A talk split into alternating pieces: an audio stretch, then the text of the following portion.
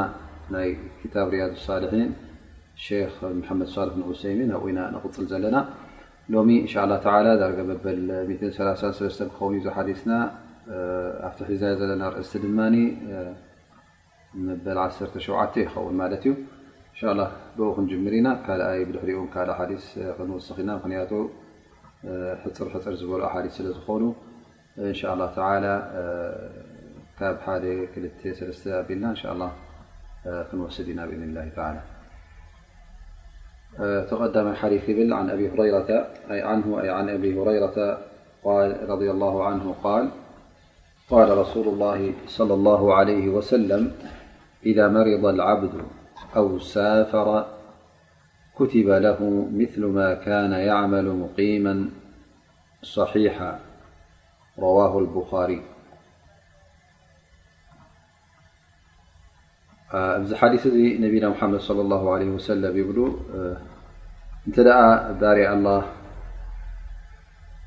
ጌሹ ወይ ሓሚሙ ስብሓን ወተላ ከምቲ ኣብ ዓዲ ከሎ ብጥዕንኡ ከሎ ዝሰርሖ ዝነበረ ኣጅሪ ይኸትበሉ ማለት እዩ። እዚ ዩ እቲ ሓዲት ብሕፅር ዝበለ ትርጉሙ እንሻ ኣላ ኣብቲ ትንተና ንኣቶ ማለት እዩ። ነቢ ስለ ላ ሰለም እዚ ሓዲስ እዚ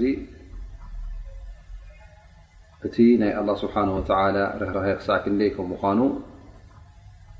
ዘርኢ እዮም ነጊሮምና ዘለዉ። ምኽንያቱ ኣላህ ስብሓነሁ ወተዓላ ንባሪኡ እቲ ሰናይ ተግባራቱ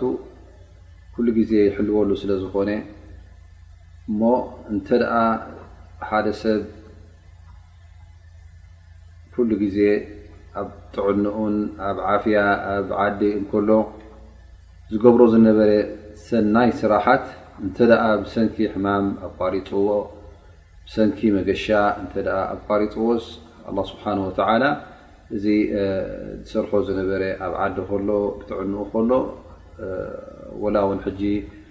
ኣቋሪፅዎ ከሎ እቲ ኣጅሪ ናቱ ብምልኡ ኣላ ስብሓን ወተላ ከም ዝህቦ እዩ ዝርእየና ዘሎ እዚ ሓዲስ እዚ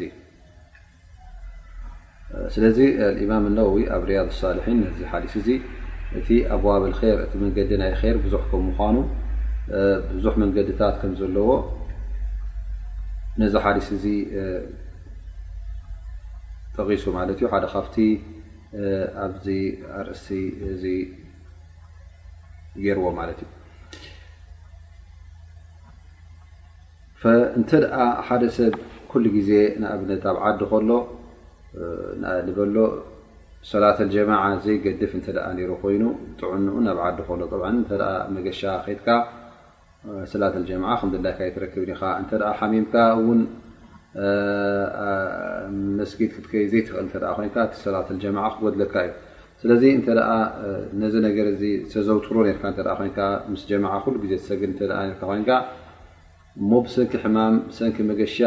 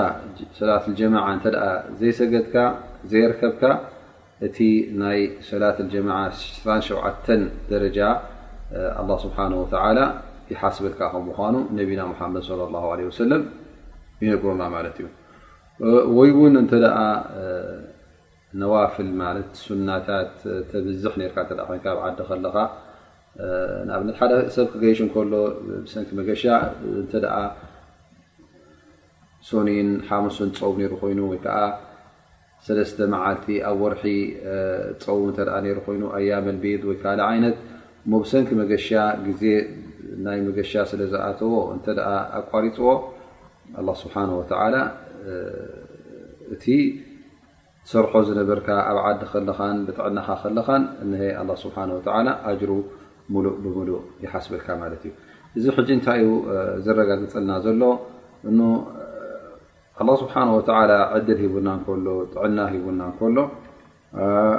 ግዜ ሂቡና እንከሎ እቲ ሰናይ ተግባራትሲ ከነዘውትሮ ኣለና፣ ክንግደሰሉ ኣለና። ቅድሚ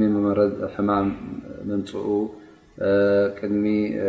መገሻ ወይ ከዓ ናይ ኣዱንያ ነገር ሻቕላ ናይ ውላድ፣ ናይ በዓልቲ ቤት፣ ናይ ገዛ ስራሕ፣ ናይ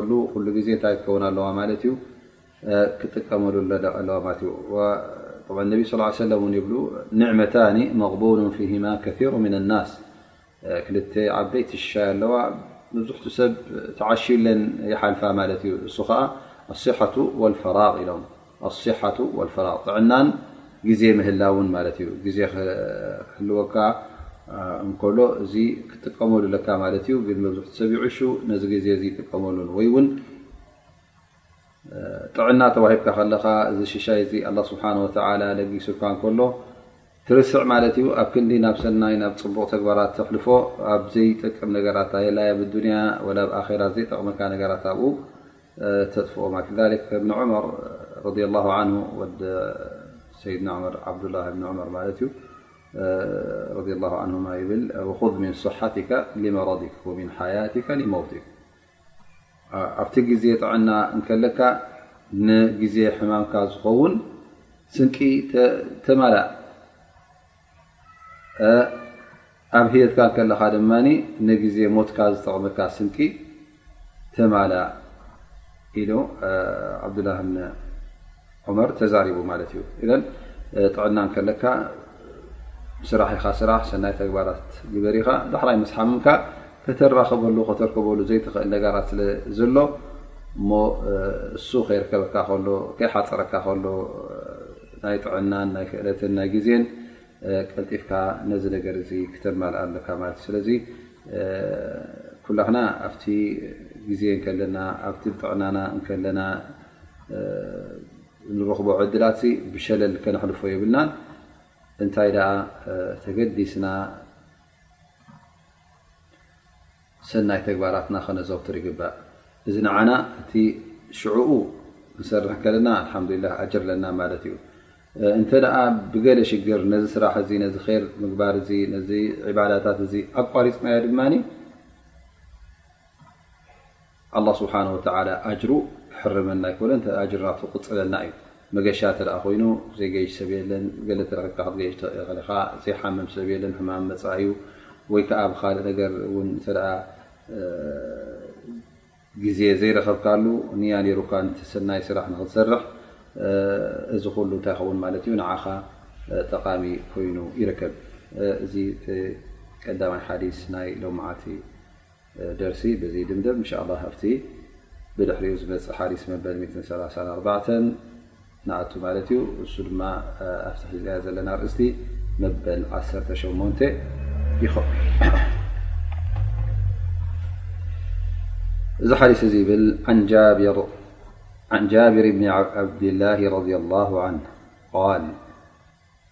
قال رسول الله صلى الله عليه وسلم كل معروف صدقة رواه البخاري ورواه مسلم من رواية حذيفة رضي الله عنه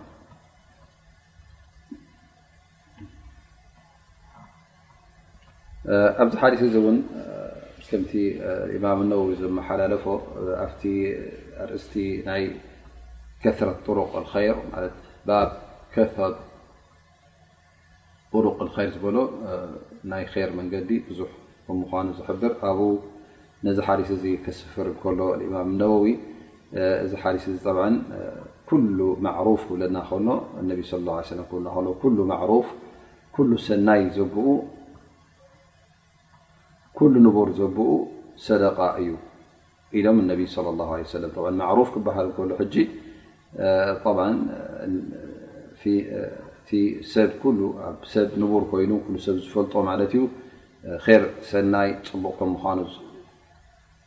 ዝፍለጥ እዚ ሕጂ ንገዛእ ርእሱ ሰደቓ ክኸውን ማለት እዩ።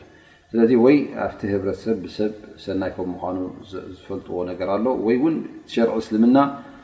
ኣብቲ ቁርኣን ኮይኑ ኣብ ሱና ነቢ ሰናይ ከም ምዃኑ ዝጠቐሶ እንተ ኮይኑ ኣብቲ ባበል ዒባዳት ኣብቲ ኣላህ ስብሓነሁ ወተዓላ ይኹን ነቢና ሙሓመድ ሰለላሁ ዐለይሂ ወሰለም ዝሽርዕዎ ኩሉ ፅቡቕ ሰናይ ስለ ዝኾነ እዚ ሕጂ ኩሉ ማዕሩፍ ይበሃል ማለት እዩ እቲ ሰብ ሰናይ እዩ ዝብሎ ድማ ብዙሕ ነገራት ኣሎ ወላ ውን ቅድሚ እስልምና እንተ ርኢና ኣብቶም ግዜ ሙሽርኪን እተ ኮይኑ ኣብ ዝኾነ ይኹን እዋንሲ ኣብ ዓይኒ ሰብ ፅቡቕ ዝኾነ ኣሎ ማለት እዩ ከም በዓል ንኣብነት ጋሻ ምቕባል ፅቡቕ ጌርካ ጋሻ ንክትቅበሎ እዚ ሕጂ ፍቱ ዝኾነ ነገር ኩሉ ሰብ ዝፈትዎ እዩ ንሽግረኛ ምሕጋዝ ድኹም ሰብ ኣካለ ስንኩል እተ ኮይኑ ጉድለት ኣካል ዘለዎ ሰብ ን ንምሕጋዝ እዚ ሉ ሕጂ ንቡር ከም ምኳኑ ሰናይ ከም ምኑ ፅቡቅ ከም ምኳኑ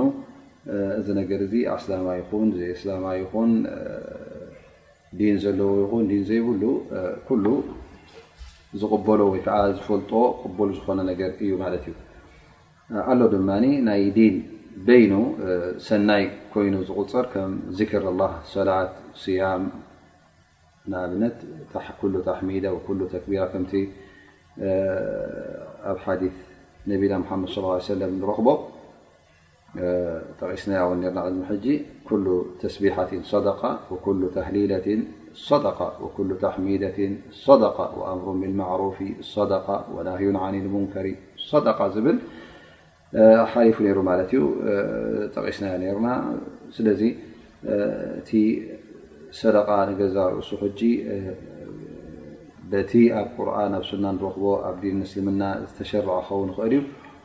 ከምኡ ውን ደቂ ሰብ ፅቡቕ ዩ ዝበልዎ ሰናይ ዩ ዝበልዎ ንሰብ ምዕንጋል ንሰብ ፅቡቕ ምግባር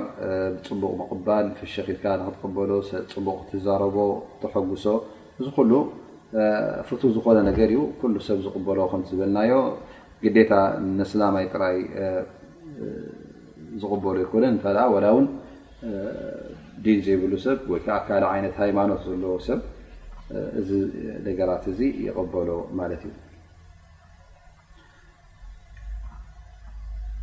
ስለዚ እንተ ደኣ ሓደ ሕሙም ሰብ ኣሎ ኮይኑ ሰናይ ክትገብረሉ እንታይ ክትገብረ ኣለካ ማለት እዩ ኬትካ ክትሪኦ ክትሓተሉ ብዛዕባ ጥዕንኡ ኣብ ሸር ፅቡቕ ኣለኻ ጥዕና ክትረክብ ኢኻ ክትሓዊካ ኢልካ ናይ ደገፍ ዘረባ ከተስምዖ ከለኻ እዚ ሕጂ ሰናይ ትገብሮ ኣለካ ማለት እዩ እዚ ንዓኻ ውን ሰደቃ ይቁፅረልካ ማለት እዩ ኣ እዚ ከምዝኣመሰለ ዘረባ ክትዛረቡ ከለካ ነቲ ሕሙም እንታይ ኢካ ትብቦ ዘለካ ማለት እዩ ተስፋ ኢካ ትብቦ ዘለካ ተስፋ ምሃብ ንገዛእ ርእሱ ንዕኡ የሐጉሶ ስለዝኮነ ስለዚ ኣብ ንሓውካ ዘሐጉስ ነገር ክትዛረቡ ከለኻ ኣብ ልቡ ሓጎስ ከተእትወሉ ከለኻ እዚ ንገዛ ርእሱ ኢድኻል ስሩር ዓላ ቀልቢ ሙእምን ዓብይ ሰደቃ እዩ ዝቁፅር ማለት እዩ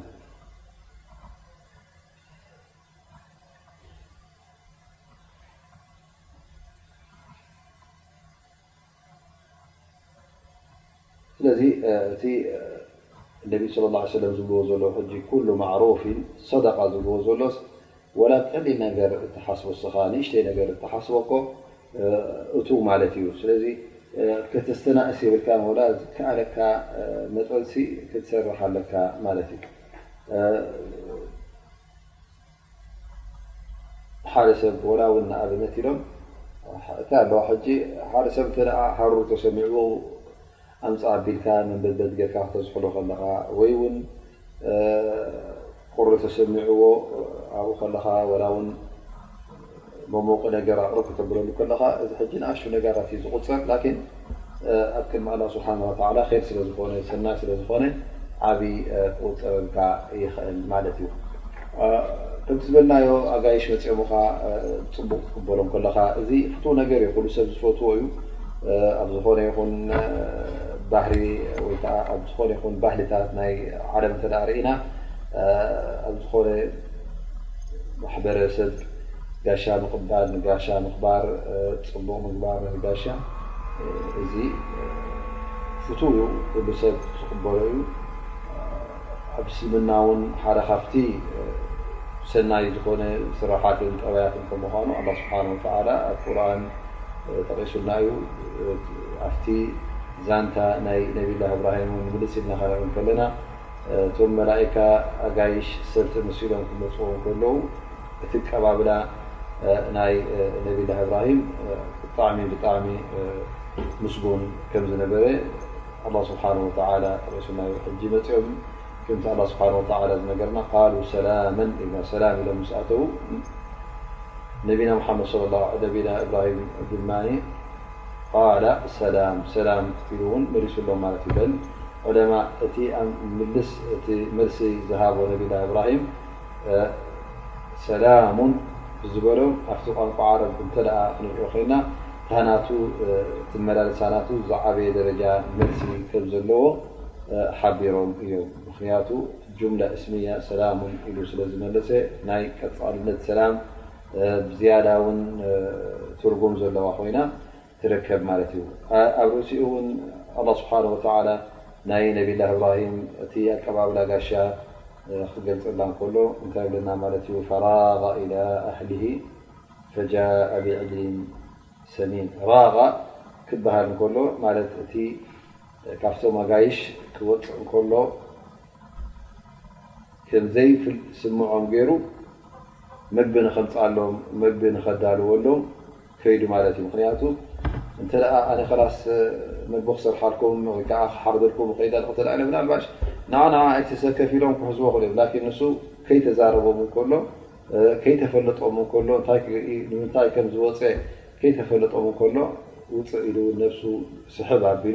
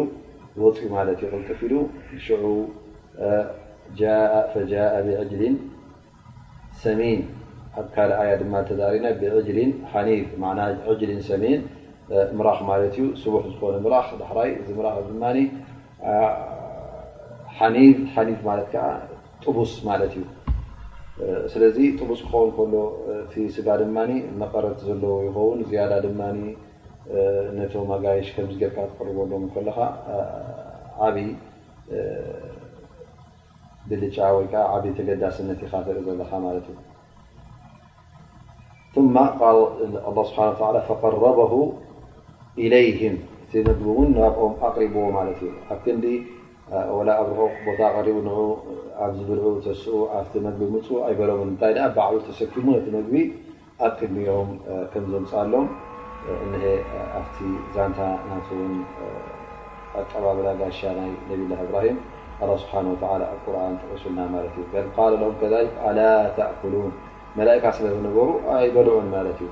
ስለዚ ብልዑ ኣይበሎም እንታይኮም ከይትበልዑ ብልዑ ዝብል ዘረባ እውን ኣየስምዑ እንታይ ኣላ ተእኩሉን ኣላ ተእፍሩን እዚ ሕጂ እንታይ ማለት እዩ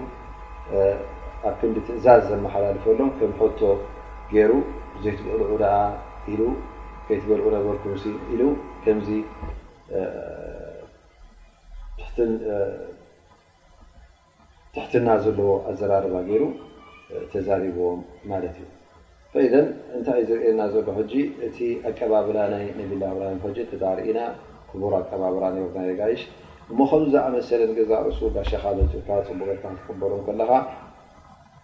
ጥራይ ከይብሉኒ ዘይኮነ ወይ ከዓ ልምዲ ናይ ዓዲ ወይ ከዓ ባህሊ ጌርካ ጥራይ ክትወስዶ የብልካን እንታይ ደኣ እዝስ ንዓኻ ዓቢ ኣጅር ዘለዎ ስራሕ እዩ። ኣላህ ስብሓነሁ ወተዓላ ሰደቓ ዝቖጽሮ ስራሕ ከም ምዃኑ ክትኣምን ኣለካ ማለት እዩ። ሊኣኑ እዚ እዩ እቲ ታሪኽ ናይቶም ኣንብያ ከምዚ ገይሮም ይቕበሉ ነይሮም ንኣሽቱ ሰናይ ውን ዝበሃል ኢልካ ክትገድፎ የብልካ ምክንያቱ ወላ ውን ሓንቲ ነገር ወላ ትንኣስ ክትገብራ ኣለካ ኣጅሪ ንዓኻ እዩ ኣብ መጨረሻ ስለዚ ነቢ ስ ሰለም ኩሉ ማዕሩፊን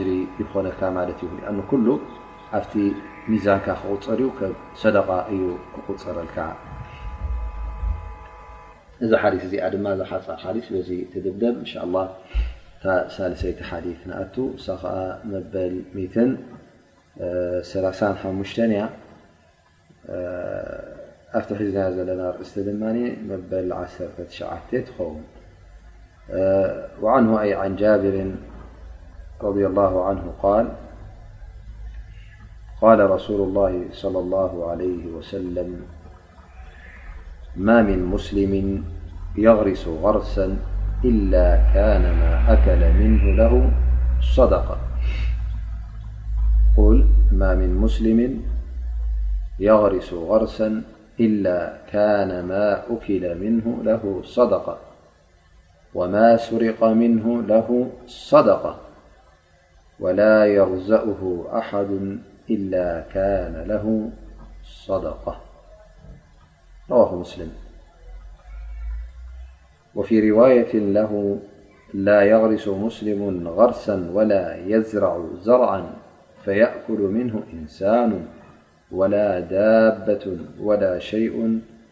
إلا كانت له صدقة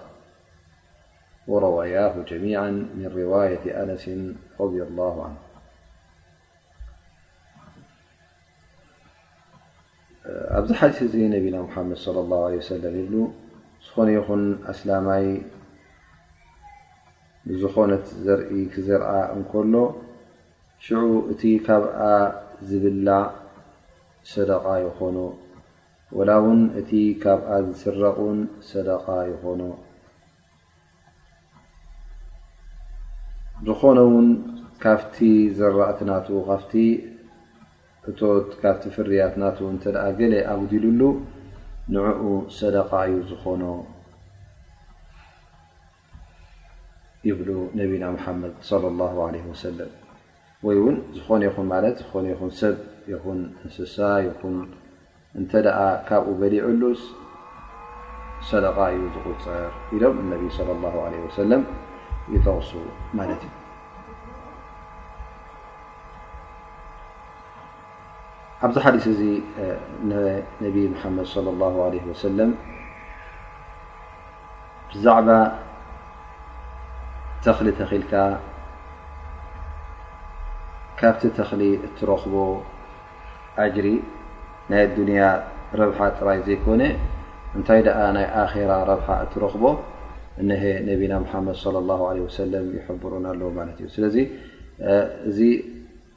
ተኽሊ እዚ ክትተኽሎ ከለኻ ክትዘርኦ ከለኻ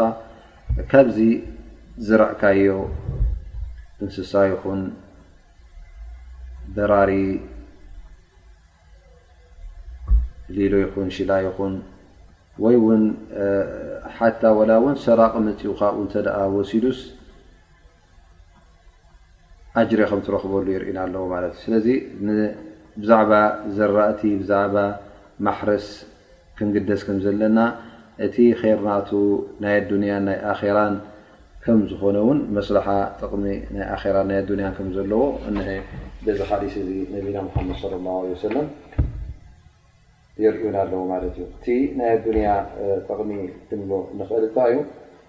ምክንያቱ ሓደ ሰብ ክዘርእ እንከሎ ሓሪሱ ኣታክልቲ ይኹን እኽሊ ብዓይነቱ ክዝራእ እንከሎ ካብ ናይ ጥረ ገንዘብ ዝያዳ ጠቕሚ ንረኽበሉ ማለት እዩ ምኽንያቱ እቲ ካብዚ ተኽሊ ዝጥቀም ጥራይ እቲ ሓረስታይ እቲ ዝዘርእ ኣይኮነን፣ እንታይ ደኣ እቲ ዝዘርእ ንነብሱ ይጥቀም፣ እታ ሃገር ድማ ኩሉ እቲ ህዝቢ ካብዚ ዝተሓረሰ ካብዚ ማእቶት እዚ ክጥቀም እዩ። ምኽንያቱ ሓረስታይ እንተ ደኣ ሓሪሱ እንተ ደኣ ዘሪኡ ኩሉ ዝሓረሶ ንዕኡ ኣይኮነን ክወስዶ እንታይ ደኣ ገሊኡ ክሸጦ እዩ። ካልእ ነገራት ንክገዝእ ምእንቲ ዝብላዕ ነገር ይኹን ዝኽደን ነገር ይኹን ስለዚ እቲ እኽሊ ጥራይ በይኑ ይኮነ ክበልዖ እንታይ ደኣ ኣብ ኩሉ እቲ ህዝቢ ክበፅሕ ማለት እዩ እቲ ህብረተሰብ ድማ ኩሉ ይጥቀም ኩሉ ይሓልፈሉ ማለት እዩ ኣብ ርእሲኡ ውን እንስሳታት ካብዚ ኣታክልቲ እዚ ክጥቀሙ እዮም፣ ነፈ ዝበሩ ዝነፍሩ ኣዕዋፍ ውን ካብዚ ዝተዘርዘአ መግቢ ውን ክጥቀሙ ማለት እዩ። ስለዚ ካብ ጥረ ገንዘብ ካብ ወርቅን ብሩርን ሲ እቲ ናይ ኣታክልቲ ምትካልን ምዝራእን ረብሓ ከም ዘለዎ እነሀ ነቢና ሙሓመድ ሰለላሁ ዓለይሂ ወሰለም የርእዩና ማለት እዩ። እዚ እቲ ናይ ኣዱንያ ጥቕሚ ክኸውን ከሎ ኣብ ርእሲኡ ድማ ዝራእቲ ዘሪእካስ ባዶ ከም ዘይትወፅእ ኣጅሪ ናይ ኣጅሪ እውን ፋይዳ ከም ትረኽበሉ እነሀ ነቢና ሙሓመድ ሰለላሁ ዓለይሂ ወሰለም ይሕብሩና ማለት እዩ። ምኽንያቱ ካብዚ ኣታኽልቲ እዚ ካብቲ ዝዘራእካዮ ጭሩት ይኹን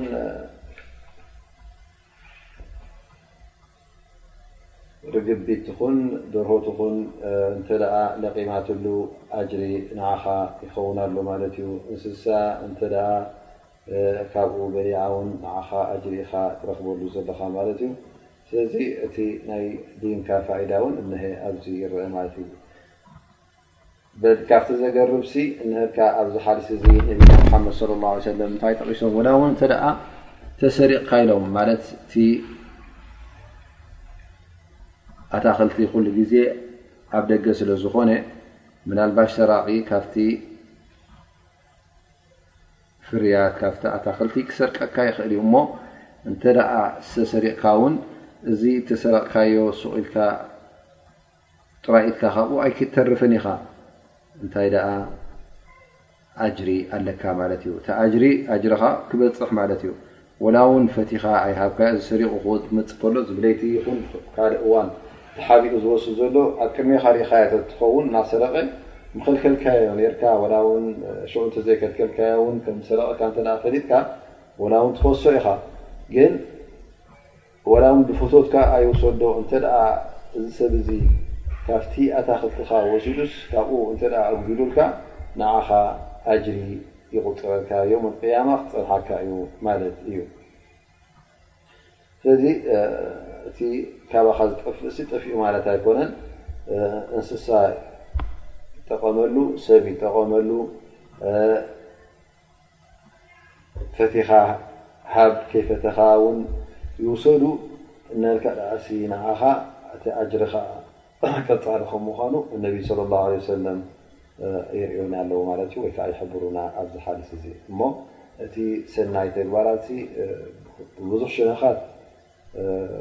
ኣጅሪር ክትረክብ ከም ትኸእል እቲ ሰናይ ተግባራት ውን ብዙሕ ሸኸናኻት ከም ትረኽቦ ኣብ ሓደ ክልተ ብ ሰለስተ ብ ዓሰርተ ብ ዕስራ ጥራይ ተሓጽረ ኣይኮነን በል ብዝያዳ ከምቲ ዝበልናዮ ወላ ውን ከይነየትካ ከለኻ እንተ ገለ ነገራት ትገብር ኣለኻ ኮይንካ ወላ ውን ብዘይንያ እቲ ኣጅሪ ውን ትረኽበሉ ትኸ ኢኻ ኣላ ስብሓን ወተዓላ ይብል خير في كثير من نجواهم إلا من أمر بصدقة أو معروف أو إصلاح بين الناس ومن يفعل ذلك ابتغاء مرضات الله فسوف نؤتيه أجرا عظيمافالله سبحنهوتعىس እንተ ደኣ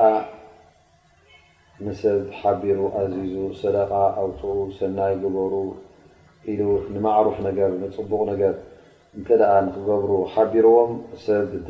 ተባኢሶም ነይሮም ውን ኣተዓሪቑ እዚ ሰብ እዚ ወላ ውን ንያናቱ ኣጅሪ ንኽረክብ ኢሉ እንተዘይ ገይርዎ ላኪን ኣጅሪ ናቱ ኣላ ስብሓን ወተላ ክህቦ እዩ ሰዋእ ነዋ ኣው ለም የንዊ ማለት ነቲ ነገር ዝገብሮ ከሎ ንያናይ ኣጅር ነይርዎ ይኹን ኣይነበሮን እቲ ዝገብሮ ዘሎ ንገዛእ ርእሱ ሰናይ ማዕሩፍ ፅቡቕ ግብሪ ስለ ዝኾነ ኣላ ስብሓን ወተላ በቲ ንር ምሕሳቡ ብኡ ጥራይ እኹል ኢሉ ኣላ ስብሓን ወተላ ኣጅሪ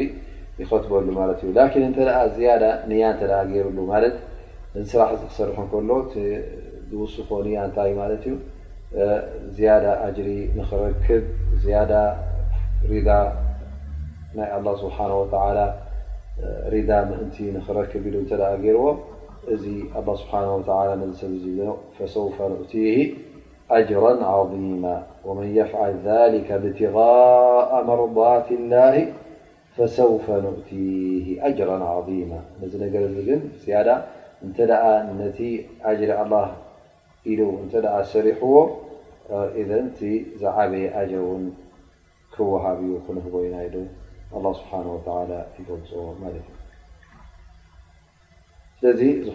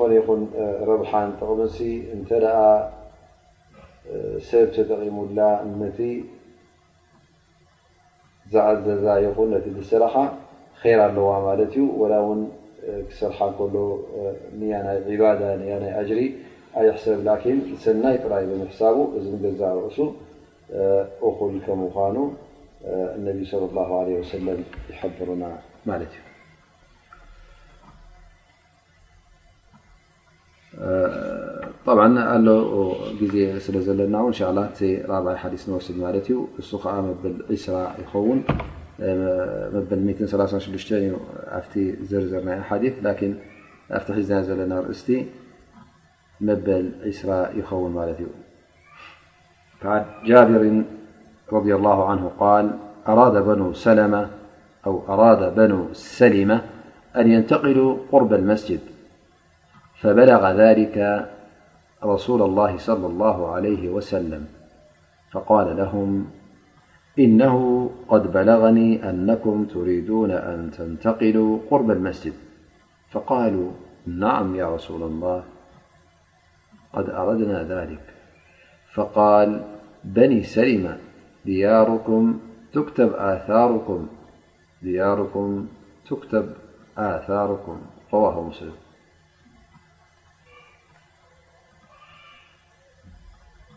وفي رواية إن بكل خطوة درجة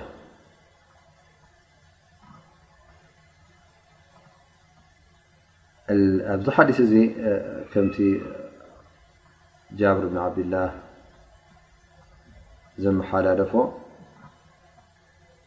ብል በኑ ሰሊማ ዝበሃሉ ሰባት ቐቢላ ማለት እዩ ኣብቲ ጥቓ መስጊድ ንክቐርቡ ኣብኡ ኣብ ጥቓ መስጊድ ዘሎ ገዛውቲ ኣብኡ ንክኣትዉ ሓሲቦም ማለት እዩ ሽዑ ነቢ صለ ላሁ ዓለይሂ ወሰለም ነዚ ወረ እዚ ምስ ሰምዐ ይመጾም ማለት እዩ ከምቲ ዝበሃል ዘሎ ወይ ከዓ ከምቲ ዝበፅሓኒ ጥቓ መስጊድ ንክትቀርቡ ትሓስቡ ኣለኹም ካብቲ ዘለኹም ቦታ መፅእኩም ናብ መስጊድ ጥቓ መስጊድ ክትቀርቡ ትሓስቡ ኣለኹም ኢሎም እነቢ ስ ሰለም ይሓትዎም ነቢ ስለ ላሁ ለ ወሰለም ነዚ ሕቶ እዚ ምስ ሓተቱ እሶም ከዓ እወ ያ ረሱላላህ ኢሎም ይምልሱ እዚ ነገር እዚስ ሓሲብናዮ ኣለና ይብሉ ማለት እዩ ሽዑ ነቢ ስ ሰለም ኢሎም በኒ ሰሊማ ድያሩኩም ትክተብ ኣታሩኩም ድያሩኩም ትክተብ ኣታሩኩም ዝሓሸ ኣብቲ ዘለኹም ቦታ ኣብታ ዘለኹማ ገዛውቲ ኣብኣ ፅንሑ ምእንቲ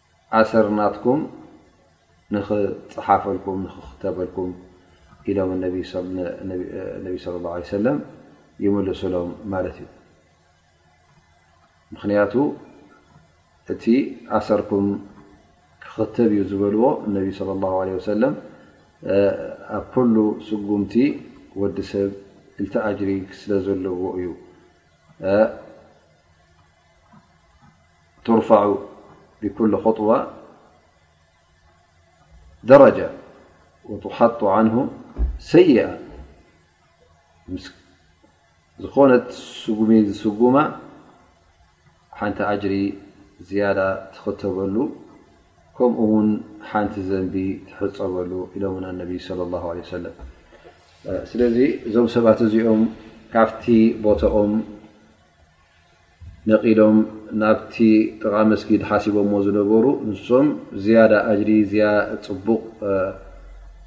ስራሕ ንሰርሕ ኣለና ኢሎም እዮም ገይሮሞ ነይሮም ግን ነቢና ሙሓመድ ሶለ ላሁ ዓለይሂ ወሰለም እዞም ሰባት እዚኦም እቲ ጉዕዞ ዝጓዓዝዎን መስጊድ ኢሎም ንክሰግዱ ኢሎም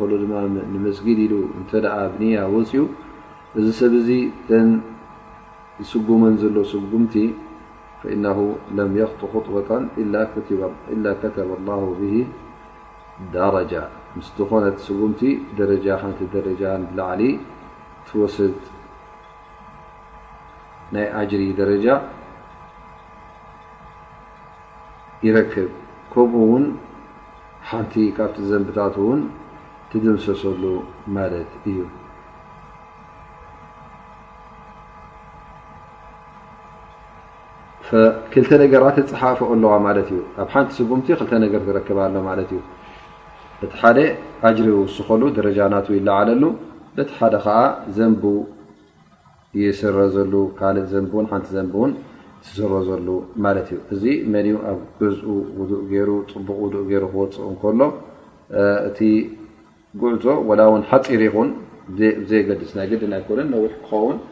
ወላ ውን ሓፂር እተ ኮይኑ ወላ ን ዓሰርተ ስጉምቲ ኹና ዕስራ ስጉምቲ ኹና እዘን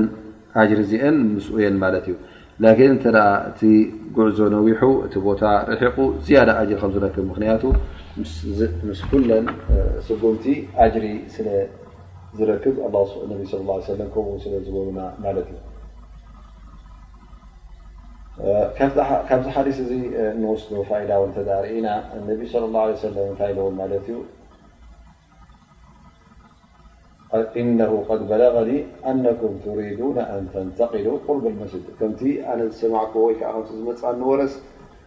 ጥቓ መስጊድ ክትወፁ